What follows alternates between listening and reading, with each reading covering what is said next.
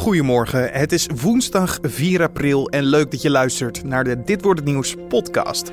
Mijn naam is Carne van der Brink en ik praat je vandaag weer bij over het nieuws van afgelopen nacht en ook wat er vandaag gaat gebeuren. Met erin aandacht voor 50 jaar na de aanslag op Martin Luther King. Hoe staat het nu met de gelijkheid tussen mensen en de opruiming van de zeemijn in het ei? Maar eerst kijken we kort terug naar het belangrijkste nieuws van afgelopen nacht. Zeker drie personen zijn gewond geraakt nadat een schutter het vuur opende bij het hoofdkwartier van YouTube in Californië. Eén persoon zou in kritieke toestand verkeren. De schutter bleek een vrouw te zijn en is dood aangetroffen. Ze zou mogelijk zelfmoord hebben gepleegd. Over haar motief is nog niets bekend. CNN was ter plaatse en sprak met de politiewoordvoerder van San Bruno, Californië. We did transport four victims um, to the hospital for treatment. Uh, three of those victims had suffered injuries as a result of uh, gunshot wounds. The fourth victim was transported for an injury suffered that was not the result of a gunshot wound, but um, uh, I believe it was an uh, ankle injury suffered trying to get away or flee the scene. Real Madrid heeft dinsdagavond een stap gezet naar de halve finales van de Champions League. De Koninklijke wonnen de heenwedstrijd tegen Juventus met 0-3, mede dankzij twee treffers van Cristiano Ronaldo. En verder is Bayern München met een uitzege begonnen aan de kwartfinales van de Champions League. Dankzij twee gelukkige doelpunten boog de Duitse koploper bij Sevilla een 1-0 achterstand om in een 1-2 zege. De Verenigde Staten hebben een lijst gepubliceerd met erop meer dan 1300 Chinese producten waarvoor zij het invoertarief met 25% willen verhogen. Het gaat onder meer om halfgeleiders, pacemakers en grondstoffen voor medicijnen zoals insuline en antidepressiva. China zegt met tegenmaatregelingen te willen komen.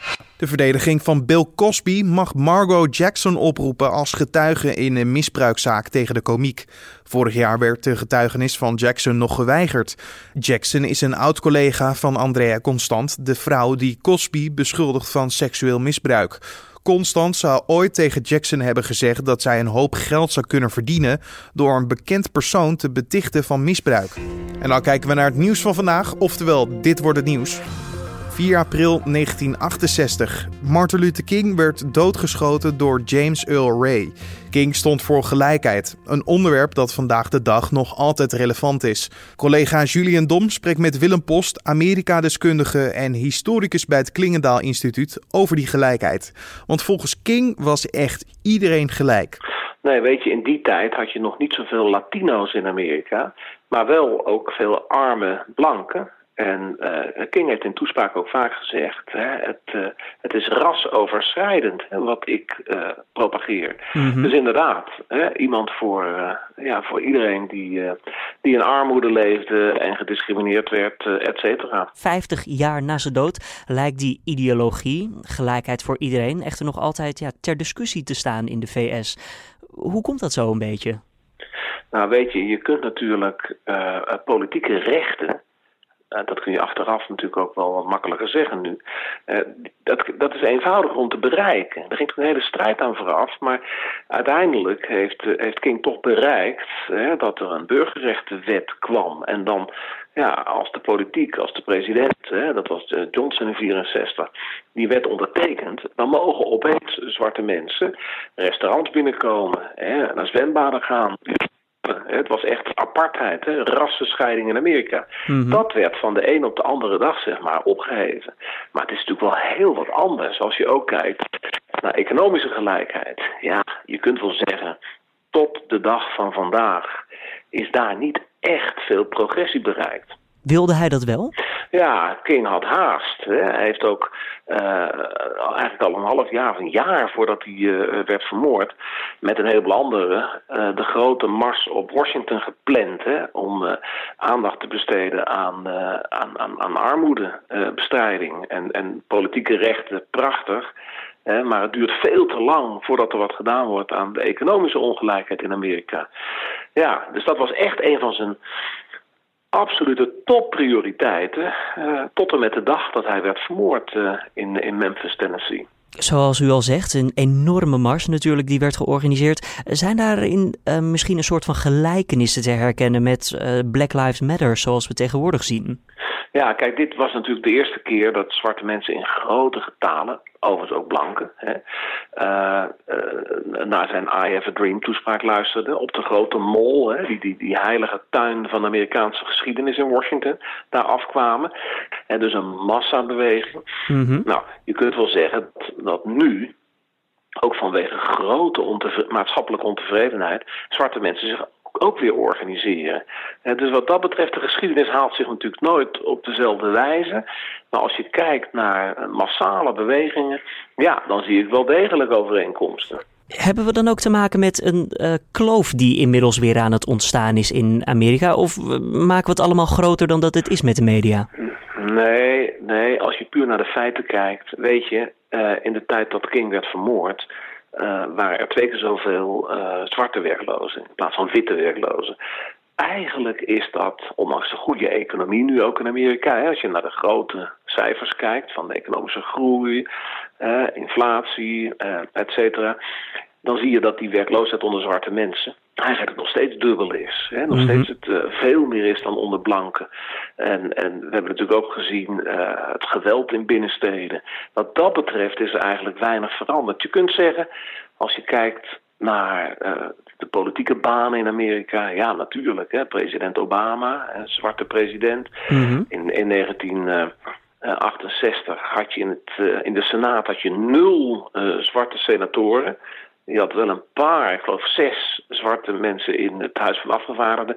Nou, dat is allemaal wel meer geworden, maar ook niet spectaculair meer. Ja, kijk, als je naar de hoopvolle tekenen kijkt, dan zou je moeten zeggen universiteiten. Je ziet dat uh, het is nu 38 procent van ja. zwarte jongeren studeert af aan een universiteit. Ja, daar zit de hoop. In Amerika heb je fantastische universiteiten. We kennen ze, Harvard, Yale, Stanford. En juist op die absolute topuniversiteiten, daar zie je relatief weinig zwarte studenten. Het zijn meer de staatsuniversiteiten, hè, dus in de staten zelf, de goedkopere universiteiten. Ja, daar zie je relatief meer zwarte studenten. Is dat dan ook een economische kwestie? Ja, uiteindelijk is, uh, zoals veel in het leven, uh, het vaak terug te voeren op je financiële situatie. En weet je, dan kun je zeggen vandaag, 50 jaar geleden dat King is, uh, is vermoord. Een halve eeuw geleden. Maar dan zie je ook wel hoe echt meer sociaal-economische gelijkheid, hoe dat toch eigenlijk wel heel langzaam gaat in een maatschappij zoals de Amerikaanse maatschappij. Uh, er zijn wel tekenen van, van hoop, maar er is nog wel veel ellende. Je hoeft alleen maar in diezelfde stad Memphis, waar ik kort geleden ben geweest, in de, in de, in de binnensteden te kijken, ook een aantal buitenwijken, honderdduizend mm -hmm. mensen die in armoede leven. En dan denk je, ja, dat lijken wel Afrikaanse toestanden, zoals we die wel eens op televisie zien. Hè? Uh, in notabene het rijkste land van de wereld, in, in dit geval Memphis, Tennessee. Maar gaan ook maar de slechte buurten van Chicago in. Misschien kun je het beter niet doen, maar je begrijpt wat ik bedoel. Hè? Als je daar ziet wat voor armoede er nog is, en dan is er wel een hele lange weg nog te gaan. Amerika-deskundige Willem Post hoorde je. De zeemijn die begin dit jaar is gevonden in het ei in Amsterdam wordt deze ochtend geruimd.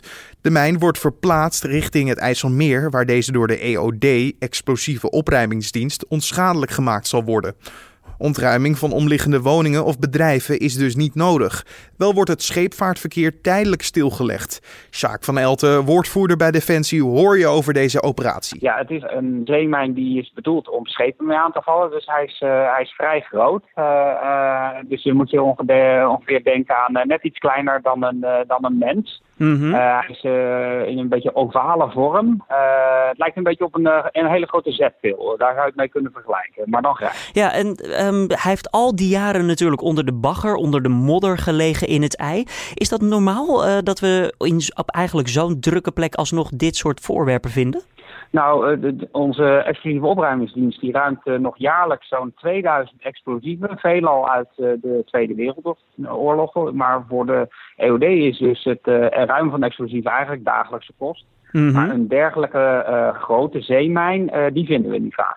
Nee, nou, deze ochtend wordt hij dus weggehaald. laten we even naar ja, kijken, hoe gaat dat eigenlijk? Hoe, hoe gaat het in zijn werking? Nou, er is al een hoop werk geweest. Ten eerste is natuurlijk de mijn gevonden. Vervolgens is de omgeving van de mijn al in kaart gebracht. Dus dat ze ook goed weten wat de duiker onderweg gaat tegenkomen. En je zegt al duiker, daar gaat dus echt een mens naartoe. Ja, ja, ja. ja. Er wordt geen robot gebruikt of iets dergelijks. Er gaat één duiker van de explosieve opruimingsdienst, die gaat het water. En die zal, voordat de mijn omhoog gehaald gaat worden, zal die wat werkzaamheden aan de mijn gaan doen. En dat houdt in dat hij eigenlijk een soort teurschuim in de mijn gaat blazen. Mhm. En uh, daarmee uh, wordt eigenlijk het hele binnenwerk van de mijn wordt, uh, vastgezet. Dat houdt eigenlijk in dat ook het ontstekingsmechanisme eigenlijk vast komt te zitten. En dat maakt het weer, weer minder gevaarlijk om de mijn vervolgens te gaan, gaan optakelen. Want dat is nodig om hem naar het Markermeer te brengen. Je, je vertelt het alsof het allemaal eigenlijk heel simpel uh, is. Zo klinkt het althans. Maar dit is ongetwijfeld enorm precisiewerk, of niet? Nee, dit is echt, uh, echt vakwerk. En uh, daar zijn onze mensen ook heel bedreven in. maar hier komt echt jarenlang van opleiding en ervaring komt hier, hierbij kijken om dit, dit goed aan te pakken. Maar dat kunnen ze dan ook. Oké, ja, onder water. En nou, het klinkt allemaal super spannend. Maar ondertussen gebouwen en ja, woningen die worden niet ontruimd. Nou, voor onze EOD-mensen is het uh, nooit ongevaarlijk. Die gaan hier nooit uh, onvoorzichtig mee om, want die weten waar ze mee bezig zijn. Uh, en we hebben het hier natuurlijk wel over een, een groot explosief, equivalent van 900 kilogram TNT. Nou, dat is echt ook voor EOD-begrippen is dat een, een, een, flinke jongen. Nou, de burgemeester van Amsterdam, die heeft eindelijk beoordeeld dat een zone is afgekondigd van 150 uh, meter. Mhm. Waarin zich geen uh, ander personeel dan de EOD mag bevinden. En daar neemt de politie al de maatregelen voor. Bijvoorbeeld ook de, om de mijn te vervoeren per schip als die omhoog getakeld is van het ei naar het, het Markermeer. Moet hij bijvoorbeeld ook door het Oranje Sluizencomplex heen. Nou, die, dat wordt tijdelijk door, voor het verkeer afgesloten. En ook uh, straks uh, bij uh, de brug over, de, over het ei van de A10. die wordt ook tijdelijk stilgelegd als de mijn daar passeert. En dan uiteindelijk in het IJsselmeer wordt die tot ontploffing gebracht, toch? Ja, om exact te zijn het Markermeer. En daar wordt hij naar een plek toegevaren waar het eigenlijk het minste kwaad kan. En, en daar wordt hij op de bodem gelegd. Dan vervolgens zal er wederom een duiker afdalen naar uh, de mijn. En uh, zal hij daar de explosieven plaatsen die benodigd zijn om uiteindelijk uh, de mijn tot ontploffing te brengen. Naar verwachting maakt de EOD ook beelden van de explosie. En als alles volgens plan gaat, zullen deze dan ook online verschijnen. En je hoorde Sjaak van Elten, woordvoerder bij Defensie. En dit gebeurt er verder vandaag nog. De rechtbank in Maastricht buigt zich over een strafzaak tegen de president van de Limburgse Bandido's, Harry R. En acht andere leden van de Bandido's uit Limburg en Brabant. R wordt verdacht van het bezit van hash en het hebben van uit misdrijven afkomstige voorwerpen. De overige verdachten worden onder meer verdacht van valsheid in geschriften, poging tot zware mishandeling, het binnendringen in Nederland van professioneel vuurwerk, wapenbezit, voetbalvandalisme en het hebben van vals geld. En dan kijken we waar onze collega's vandaag over schrijven. Een meerderheid in de Tweede Kamer wil dat het kabinet iets doet tegen foute rijke Russen, schrijft Trouw. Tevens moeten buitenlanders die zich schuldig maken aan mensenhandel en corruptie geen visum meer krijgen. En hun tegoeden in Nederland moeten worden bevroren. Met de maatregelingen moeten mensen getroffen worden die nu door de mazen van de wet glippen. In de bodem bij Paleis het Lood zijn meerdere archeologische ontdekkingen gedaan, schrijft de Telegraaf. Archeoloog Martin Schappink heeft al graven uit de bronstijd, een stuk fontein uit de 17e eeuw en een Romeinse munt gevonden. En dan nog even het weer. De kans op buien blijft vandaag redelijk groot. De temperatuur ligt rond de 15 graden bij een matige zuidelijke wind.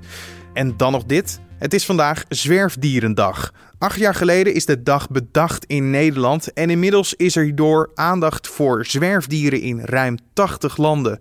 Collega Julien Dom praat hierover met Isabella Sternheim, voorzitter van het Stray Animal Foundation Platform. In Nederland hebben we vooral zwerfkatten en daarom vroegen we aan haar of zij wist hoeveel dat er precies op dit moment zijn. Kijk, je hebt twee verschillende typen zwerfkatten. Je hebt de gesocialiseerde zwerfkatten, dat zijn onze huiskatten die aan het uh, wandelen gaan, de weg kwijtraken, in het asiel belanden. En die zijn gewoon aaibaar, tornaderbaar.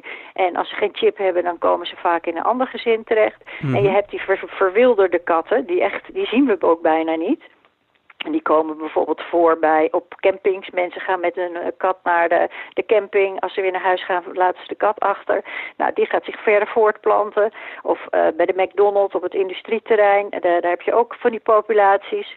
Uh, daar, is, daar, zijn de, um, daar wordt bijna niet geregistreerd hoeveel katten dat zijn. Je hebt wel TNR-organisaties, organisaties die die dieren vangen, uh, neutraliseren en weer terugplaatsen. Maar die hebben tot nu toe hebben die, uh, niet heel erg een administratie bijgehouden. Maar dat, dat is de laatste jaren wel aan het veranderen. Dus wij denken wel dat je over een tijdje een beter beeld krijgt van hoeveel, om hoeveel van dat soort dieren het eigenlijk gaat. We brengen het langzaam in kaart.